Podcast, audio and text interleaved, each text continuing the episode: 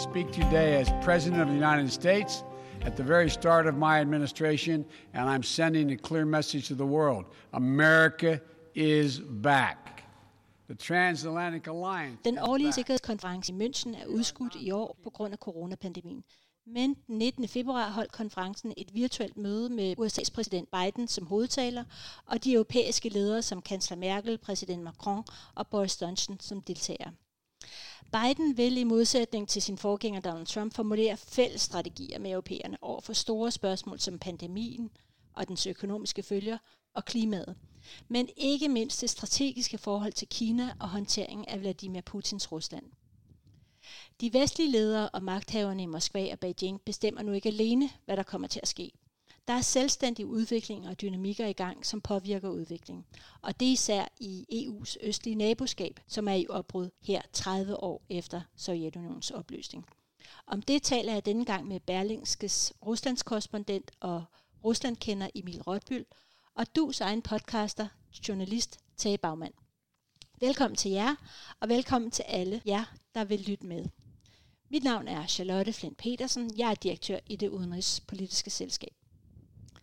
Emil, helt aktuelt ser vi det russiske styre forsøge langsomt at slide oppositionens samlende figur Alexei Navalny ned til betydningsløshed. Og lige nu har man også sendt ham i fangelejr et eller andet ubekendt sted. Vil det lykkes, eller vil han fortsat være en, en hovedpine for Vladimir Putin og kredsen omkring ham? Vi kan sige, at det i hvert fald er lykkedes i første omgang at, øh, at kvæle de der protester altså til en grad, så Navalny's egen organisation sagde, øh, lad være med at gå på gaden, øh, øh, vi bliver alligevel alle sammen anholdt. Øh, nu holder vi lige en pause til foråret, og så, øh, så samler vi kræfter. Øh, så, så hvad skal man sige, første del af det er lykkedes. Men hvad skal man sige, det lange, det lange første øh, kapitel, det går jo helt frem til efterårets øh, Duma-valg, øh, hvor, vi, hvor, jeg er helt sikker, øh, hvor jeg er helt sikker på, at vi vil se Navalny's hold være på banen igen, med, dels med deres smart voting system, hvor de vil prøve at øh, kanalisere utilfredsheden over på andre partier, men også med, med protester. Det, som er vigtigt at forstå, det er, at det jo ikke kun handler om Navalny, den utilfredshed, vi har set. Navalnys tilbagekomst øh, var ligesom udløseren for, for utilfredsheden, men, men det er jo meget bredere end ham allerede, så det er jo ikke et spørgsmål om, om han præcis, eller hans organisation, eller hans kone, eller hvem det nu er, øh, kan stå i spidsen for, for, for det oprør. Øh, der, er, der er noget i gang, og det, det stopper ikke. Her på søndag, tror jeg det er, der er det sådan en årsdag for en anden oppositionspolitikers drab. Tror du det vil på søndag her den 27. Ja. februar, øh, vil det afføde noget? Øh, øh, nej, ikke hvad jeg har set lagt op til. De, har, de laver en, en eller anden form for mindeceremoni for Nemtsov den her gang. De plejer at gå sådan en march øh, eller en demonstration. Det gør de ikke. De, det er noget med, at de opfordrer folk til at komme med blomster på, på broen, hvor han blev skudt. Øh, så der er ikke lagt op til ballade. Øh, jeg, det ville overraske mig, hvis der, hvis der kom noget videre ud af det. Så jeg tror simpelthen, at de gemmer kræfterne. Øh, Vestens svar på Navalny-udviklingen har været trusler om sanktioner i større eller mindre grad øh, og knuppet ord i, øh, Putins retning, men ikke ret meget mere end det. Øh, bider det på Moskva? Øh, jeg tror, at de har i hvert fald foretaget en kalkyle, hvor de siger, hvad der, hvad der kommer, det, det, kan vi, det kan vi håndtere det kommer selvfølgelig til at betyde noget for, for russisk økonomi og for nogle enkelte, øh, ja, eller mere specifikt for nogle enkelte embedsfolk. Øh, det er jo fire, fire embedsmænd i første omgang, som ser ud til at blive ramt af de her sanktioner. Og det er jo ikke i sig selv noget, som, som vil gøre alverden. Øh, Rusland har håndteret meget alvorlige øh, sanktioner og lever jo stadig med dem helt tilbage fra, fra annekteringen af Krim. Øh, og har jo har formået at, at, at fortsætte. Ikke? Det, det er afgørende for dem, det er sådan set oliepriserne, og de er jo på vej op igen. Øh, så, så på den måde så er det ikke noget, der får Rusland til at omgøre sine politiske prioriteter. Men hvad med Europarådet? Altså, skal de fortsat være medlem af Europarådet i forhold til, også i forhold til deres aggression i Ukraine og i Georgien? Ja, det, det bliver jo diskuteret åbent nu fra begge sider sådan set. Altså øh, øh dels fra, øh, fra øh, øh, hvad skal man sige, europæisk side, om de skal, hvad meningen er med, at de sidder der, hvis de alligevel ikke har tænkt sig at respektere øh, menneskerettighedsdomstolens afgørelser, øh, og, og i øvrigt øh, ja, ja, lade hund om, om de advarsler, der kommer, så kan man sige, hvorfor er det, de skal, de skal være der? De, de var jo også suspenderet øh, i, øh, i mange år, ikke? Kom tilbage i 19, som jeg, som jeg husker det. Øh, men også fra Ruslands side siger det også, hvad er det egentlig, vi skal i det selskab. Det tror jeg godt, vi kan se, at der enten de bliver sparket ud, eller selv siger op, eller øh, hvad man skal sige, så, øh, så, så kunne det godt være, at øh, det medlemskab, det, det ryger nu. Betyder det så, at de endegyldigt øh, forlader Europa? Øh, de er jo geografisk set stadig en del af Europa, i hvert fald en del af Rusland. Øh, og der vil jo stadig være, altså på den måde, der, der vil jo stadig være masser af interaktion, der vil stadig være masser af firmaer, som øh, europæiske firmaer, som, som gør forretning i Rusland. Ikke? Vi har, det, det, kan man godt lidt glemme, når man taler om de her sanktioner. Ikke? At øh, man tror, at alle bånd er kappet. Øh, samhandlen er blevet markant mindre siden 2014, men der er jo stadig øh, masser af økonomiske bånd på, på kryds og tværs, som også handler om den geografiske nærhed. Ikke? Øh, og der er også, øh, vi køber gas og, og så videre. Ikke? Altså der er masser, der er masser af bånd, så på den måde, de, de bånd vil jo ikke være, på den måde vil de ikke forlade Europa. Men, men de institutioner, de fælles institutioner, har vi jo set blive øh, øh, fuldstændig udraderet på, på våbenkontrolområdet øh, i hvert fald over de sidste mange år. Ikke? Ja, hvad har vi tilbage? Jo, New Start. Øh, ellers, ellers så, tror jeg, så tror jeg ikke, der er noget tilbage. Vel? Open Skies øh, har de også meldt sig ud af her senest. Øh. Så øh, de, de der fælles institutioner, som man havde bygget op, eller formået at bygge op efter Sovjet, Sovjetunionens sammenbrud, de er, de er ved at være faldet alle sammen. Tror du ikke, der kommer en reaktion fra, fra den, de russiske borgers side? Altså vi så med Janukovic, som øh, ikke gik, øh, lavede den her EU-associeringsaftale, øh, som ligesom betød, at man øh, ændrede udenrigspolitisk retning væk fra EU. Du tror ikke, at der kommer en reaktion? Altså Europa, øh, den europæiske menneskerettighedsdomstol har jo været kendt for at være ligesom det sidste instans domstol for en rigtig mange russere, altså det sidste sted, man kunne få retfærdighed. Det, som russerne, hvis man skal sige sådan bredt, russerne øh, reagerer på, det er, jo, det er jo deres egne problemer, det er jo deres egne økonomiske problemer, som også er noget af det, der har været med til at, at øh, øh gøde øh, jorden for de her protester.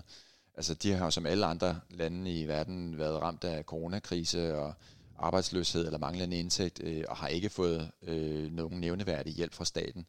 Øh, og det er klart, det, det, den vrede, som vi også ser i Holland eller Danmark, eller hvad ved jeg, den, den er jo også med til at, at få folk ud, og de er jo trætte af restriktioner, ikke? og sidde derhjemme og ikke måtte noget. Øh, Øh, og øh, altså der, der har jeg set nogle analyser på, at det er sådan set prisen på brød og, øh, øh, og smør, som, som betyder mere end, end hvad skal man sige, det, det, det politiske plan øh, i forhold til fængsling af Navalny. Ikke?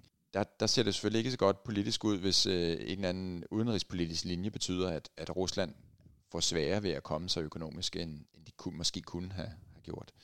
Øh, så jeg tror mere, det er den slags, øh, i, i det lys, man skal se på, om, om russerne øh, befinde sig i de der fortsatte provokationer, som, som kommer fra, øh, fra Kreml. Tag den her konflikt omkring Navalny er, e, er kun en af rigtig, rigtig mange konflikter øh, med Rusland, som Vesten har. Nu ser det altså ud til, at øh, både øh, altså EU og Washington igen kan tale sammen. Øh, hvad, hvordan var signalerne fra det her virtuelle møde i forhold til håndteringen af, af Rusland? Altså i virkeligheden så, så trådte begge sider meget forsigtigt, når det drejede sig om netop Rusland. De, de var mere fremme på biten, når det drejede sig om Kina. Øh, og det er fordi analysen af, hvad man skal med Rusland, hvordan man skal håndtere Rusland, er så forskellig. Øh, ikke bare øh, mellem Washington og, og øh, europæerne, men også internt mellem europæerne. Øh, man kan simpelthen ikke finde sine egne ben øh, Nord Stream øh, øh, gashåndteringen for eksempel, der vil tyskerne jo ikke øh, rokke sammen, mens andre europæiske lande synes, at det er, øh, det er noget af det værste, tyskerne gør, det er at gå ind i det der øh, øh engagement om gasforsyninger. Så, så man var lidt forsigtig, men, men, men hovedsignalet var det, at man er nødt til at sætte sig sammen og prøve at formulere en i hvert fald en fælles strategiramme, inden for hvilket man så kan prioritere mere eller mindre. Øhm, og, og det var øh, måske øh, det vigtigste signal, vi fik, kom lige efter München-konferencen, øh, da de europæiske udenrigsministre satte sig sammen for at, at lave en, en Kina-strategi, eller for at tage øh, hul på diskussionen om en Kina-strategi og en Rusland-strategi. Øh, fordi der inviterede de den nye amerikanske udenrigsminister, øh, Tony øh, Blinken, øh, med ind i, i, i rummet, så han kunne være med både til at, at, at, at give det amerikanske perspektiv, men også høre, hvad det var, øh, europæerne øh, tumlede med. Vi er lidt i, i, i, i et, underligt, øh, et underligt sted, fordi vi jo samtidig har fået øh, Storbritannien meldt ud af Europa, øh, og ved ikke rigtigt, hvordan placerer de sig så i, i de dele af øh, en strategi over for Rusland, som især er øh, økonomibaseret, for eksempel. Det, det vil være den del, der bliver lagt hos EU. Øh, det er nemmere, når det drejer sig om det militære svar, fordi øh, det ligger i NATO, og der er de alle sammen med. Men det man, øh, det man ikke kunne øh, se helt, det var om, om, om der er begyndelsen til en løsning på, på det dilemma, der hedder, øh, hvordan får vi Putin konstruktivt i tale øh, for at få løst nogle af de her problemer, uden at vi kommer til at skrive under på Putins annektering af Krim. Den er næsten uløselig, øh, fordi øh, europæerne er nødt til, hver gang de når frem til en eller anden, et eller anden form for engagement med, med russerne, at sige, og Krim. Og, og der stopper diskussionen så, og, og det ved man godt. Øh, og det her, det kan man altså ikke, man kan ikke finde ud af at afkoble Krim fra, øh, fra resten. Øh, men så er der øh, i den europæiske analyse, kan man godt nu høre nogle nuancer, som er øh, hvad skal man sige, mere realistiske, og som måske er et resultat af erfaringerne med Trumps USA. Hvis jeg lige må vende tilbage til, til, til noget af det, øh, Emil sagde, med brødpriser og, og utilfredshed med den økonomiske situation osv., det, man er begyndt at overveje i Europa, det er om den hurtige analyse, man har haft hele tiden, nemlig at hvis der opstår sådan en utilfredshed i den russiske befolkning, så vil den russiske befolknings svar være Europa, øh, åbenhed, øh, international handel. Nu siger man, at det kan godt være, at svaret i virkeligheden bliver et Rusland først. Øh, man kan godt være imod mod Putin, og samtidig have den holdning, altså en, en stærk nationalistisk holdning. Øh, og hvordan takler vi så det? Hvad er det for nogle legekammerater, vi får på den anden side af, af, af, af hegnet, øh, hvis vi ikke ser os for? Øh, det er måske betegnende, at vi fik, øh, at vi fik øh, Amnesty International, øh, der ligesom fratog Navalny en, en, en status som, som vidtighedsfange, fordi de synes, at nogle af hans udtalelser altså var øh, ganske usmagelige. Øh, så, så, så det er lidt, man leder efter nogen på den anden side, man kan engagere med på en eller anden måde. Øh, og, og spørgsmålet er så, hvad du ved mere om end jeg gør, øh, om de er der. Det gik jo ikke så særlig godt for EU's høj repræsentant, da han besøgte Moskva her for et par uger siden. Mm. Øh, han blev mildest talt klædt af til benet, og, ja. øh, og det har jo øh, på en eller anden måde øh, må, må også kendes, altså ligesom præge EU's politik fremadrettet.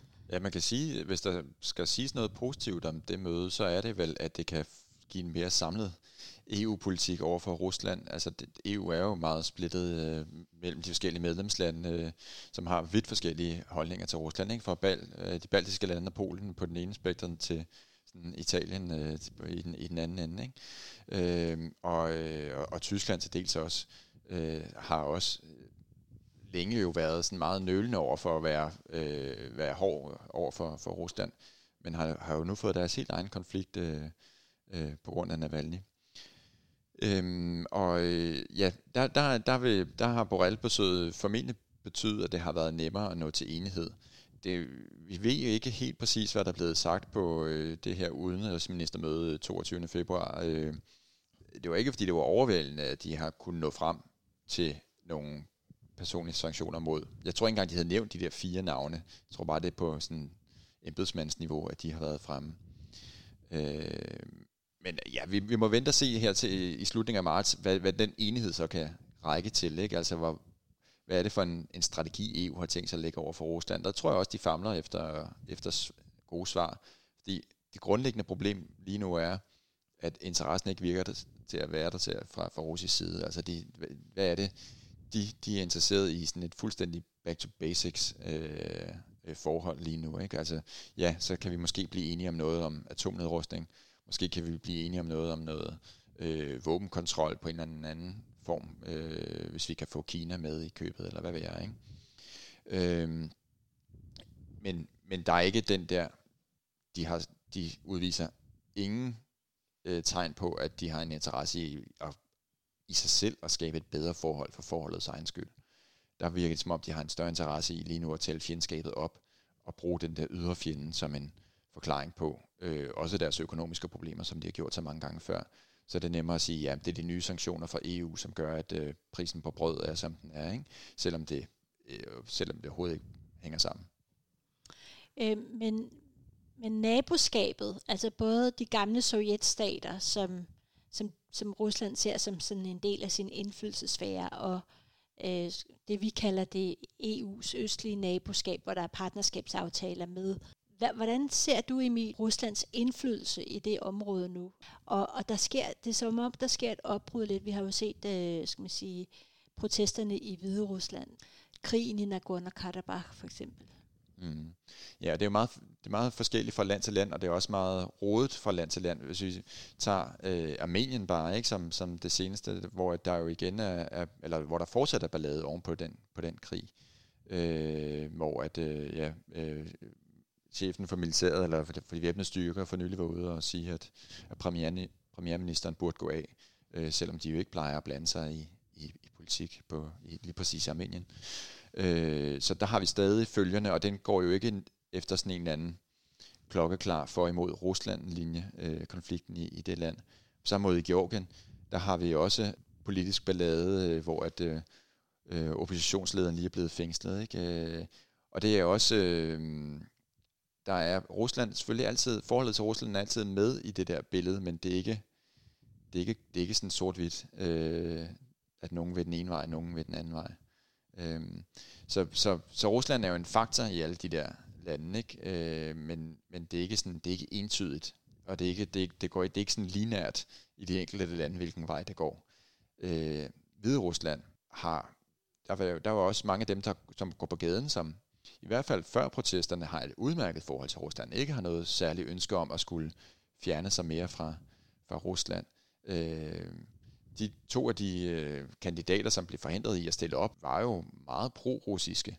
Øh, den ene var øh, mangeårig direktør for Gazproms bank i, i Hvide Rusland. Øh, den anden flygtede til Moskva i første omgang, øh, øh, inden han så troede med at blive, øh, blive fængslet der også. Ikke?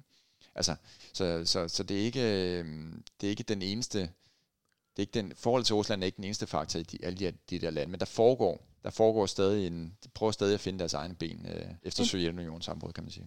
Men for eksempel øh, tage, øh, Georgien vil gerne have en, det man kan siger, en, en, en map, altså en, en, en handlingsplan for øh, en stærkere tilnærmelse til NATO. Øh, Øh, hvordan er chancerne for det? Og hvad, hvordan er NATO's forhold til det her østlige NATO's øh, det, naboskab? NATO øh, har jo brændt fingeren et par gange, og det ved de godt, fordi de er kommet til ligesom at give nogle signaler, der blev tolket som løfter om medlemskab. Øh, og det er jo ikke mindst Georgien, øh, der, der ligesom gik i den fælde, om jeg så må sige, øh, fordi de ikke læste NATO's betingelser for medlemskab korrekt. Og, og, og, og NATO gjorde dem ikke opmærksom på, at de ikke læste det korrekt. Og der er sådan en Membership Action Plan, eller MAP, det bliver tolket som et løfte om, at nu bliver man medlem. Øh, så, så der vil NATO nok være langsom og forsigtig. Også fordi NATO jo efter hele øh, Trump-tumulten nu er inde i en en konsolideringsfase på en eller anden måde. Øh, når Biden siger, America's back, øh, og øh, han sagde også, The Atlantic Alliance is back, øh, så mener han ikke tilbage til tiden før Trump. Han mener, at, at nu skal man bygge noget op, som er bedre, end det var. Og hvad det så er, det ved vi ikke helt endnu. Øh, og, og der kan nogle af de her lande komme øh, vældigt i, øh, i, i, i klemme. Biden sagde i sin tale på, på München, at alle lande står ved et inflection point, og det brugte han tre gange, altså ved en korsvej, hvor man er nødt til at træffe nogle valg. Og han specificerede, hvad han mente med det, nemlig vil man øh, se det liberale demokrati som løsningen på de store problemer, vi står med, øh, klima, pandemi, økonomi, øh, sikkerhed, øh, nedrustning, eller vil man se illiberale øh, demokratier eller autoritære styre som svaret? Øh, og det må NATO og de europæiske lande afklare med sig selv først, og så må de derefter se, hvem de har at spille med på den anden side. Et problem, som de jo øh, står med hele tiden, både EU og NATO, kan man måske illustrere med, med Hvide Rusland, som du nævnte lige før, hvor spørgsmålet var, hvor langt skulle man gå i sin støtte til, øh, til oppositionen i det sidste valg.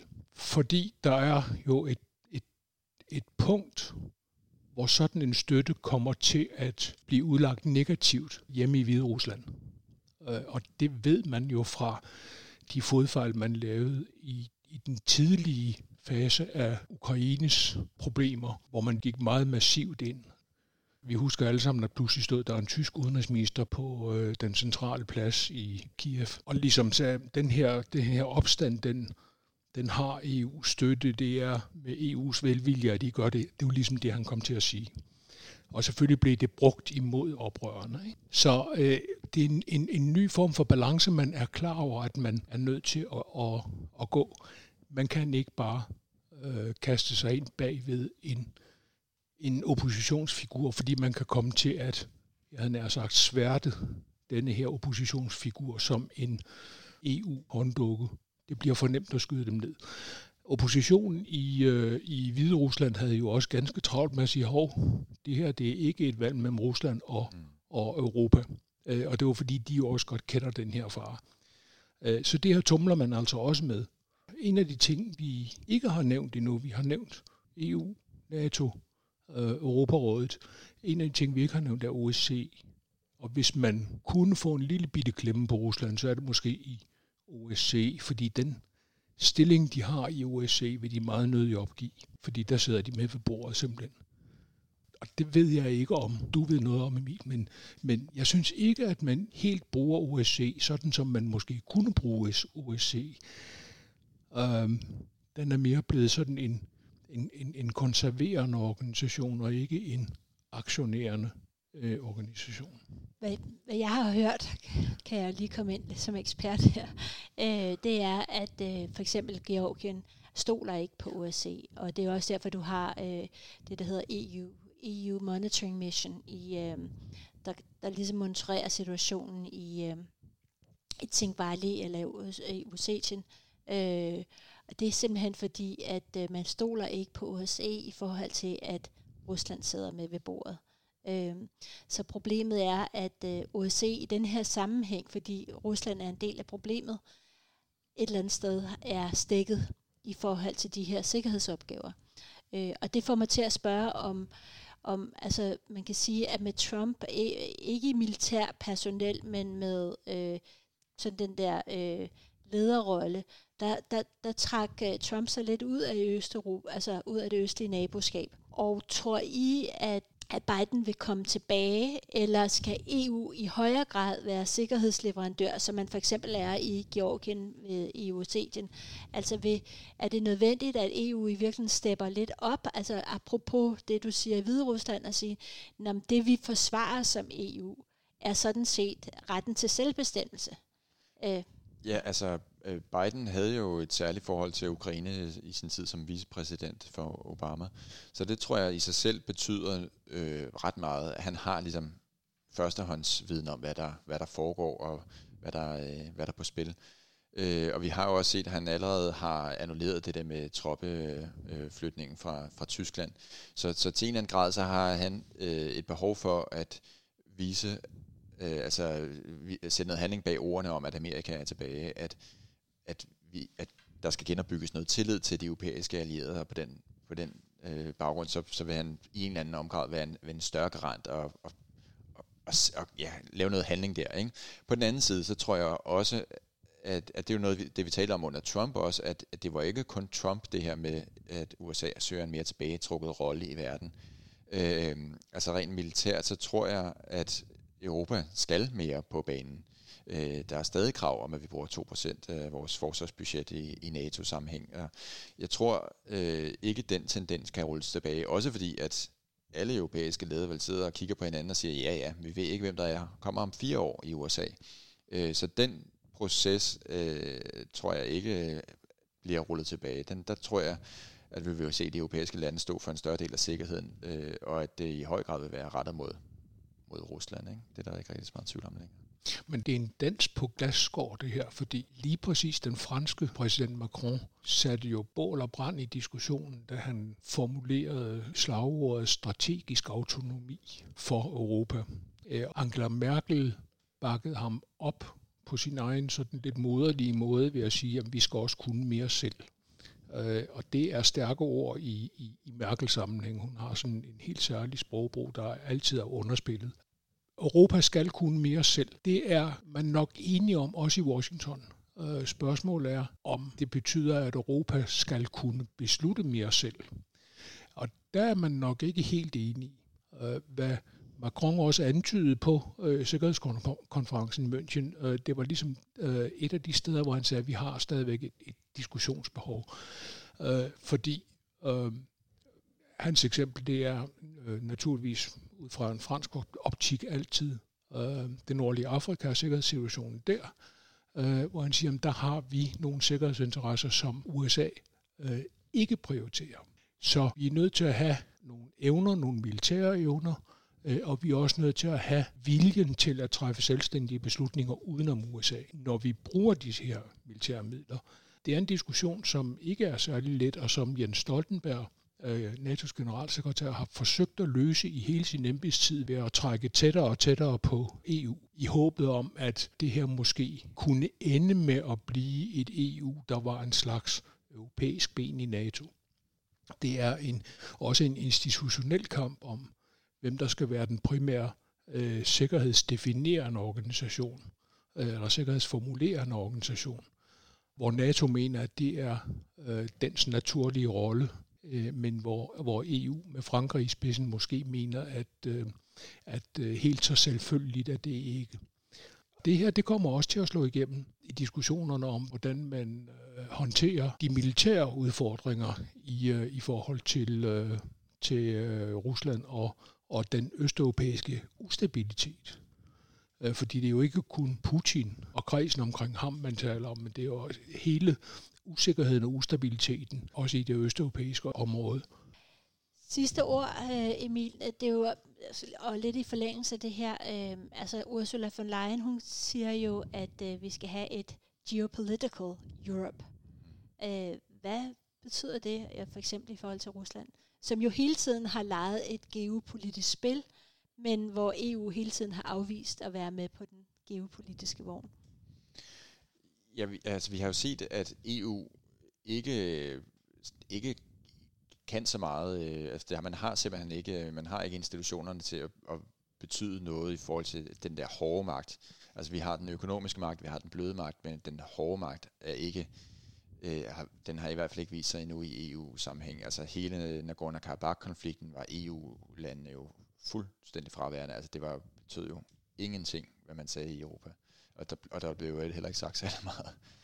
Øh, og, øh, og jeg tror heller ikke øh, på selv, altså selv de her øh, meldinger, der var fra, øh, jo Macron kunne måske godt tænke sig, at Frankrig stod i spidsen for en anden form for europæisk militærmagt, ikke? Men, men når Merkel siger, at vi skal kunne mere selv, så er det jo ikke i modsætning til NATO, så er det bare som at sige, jamen, hvis NATO skal rykke, så skal EU være klar til at lægge soldater til, især hvis det er i vores nærområde. Øh, Øh, så, så, det, så på den måde, så er det jo ikke nødvendigvis en modsætning i at skulle kunne sige, at vi skal opbygge nogle kapaciteter i, i EU-landene. Øh, det er jo ikke en modsætning til, til NATO nødvendigvis.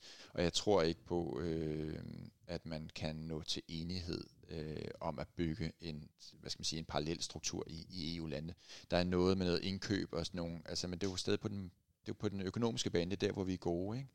Øh, men, men ikke i forhold til de militære institutioner. Det ser jeg ikke for mig lige, øh, i hvert fald ikke Ursula, Ursula von der Leyen sted. Tak Emil, og tak til jer, og tak fordi I lyttede med i Dus podcast.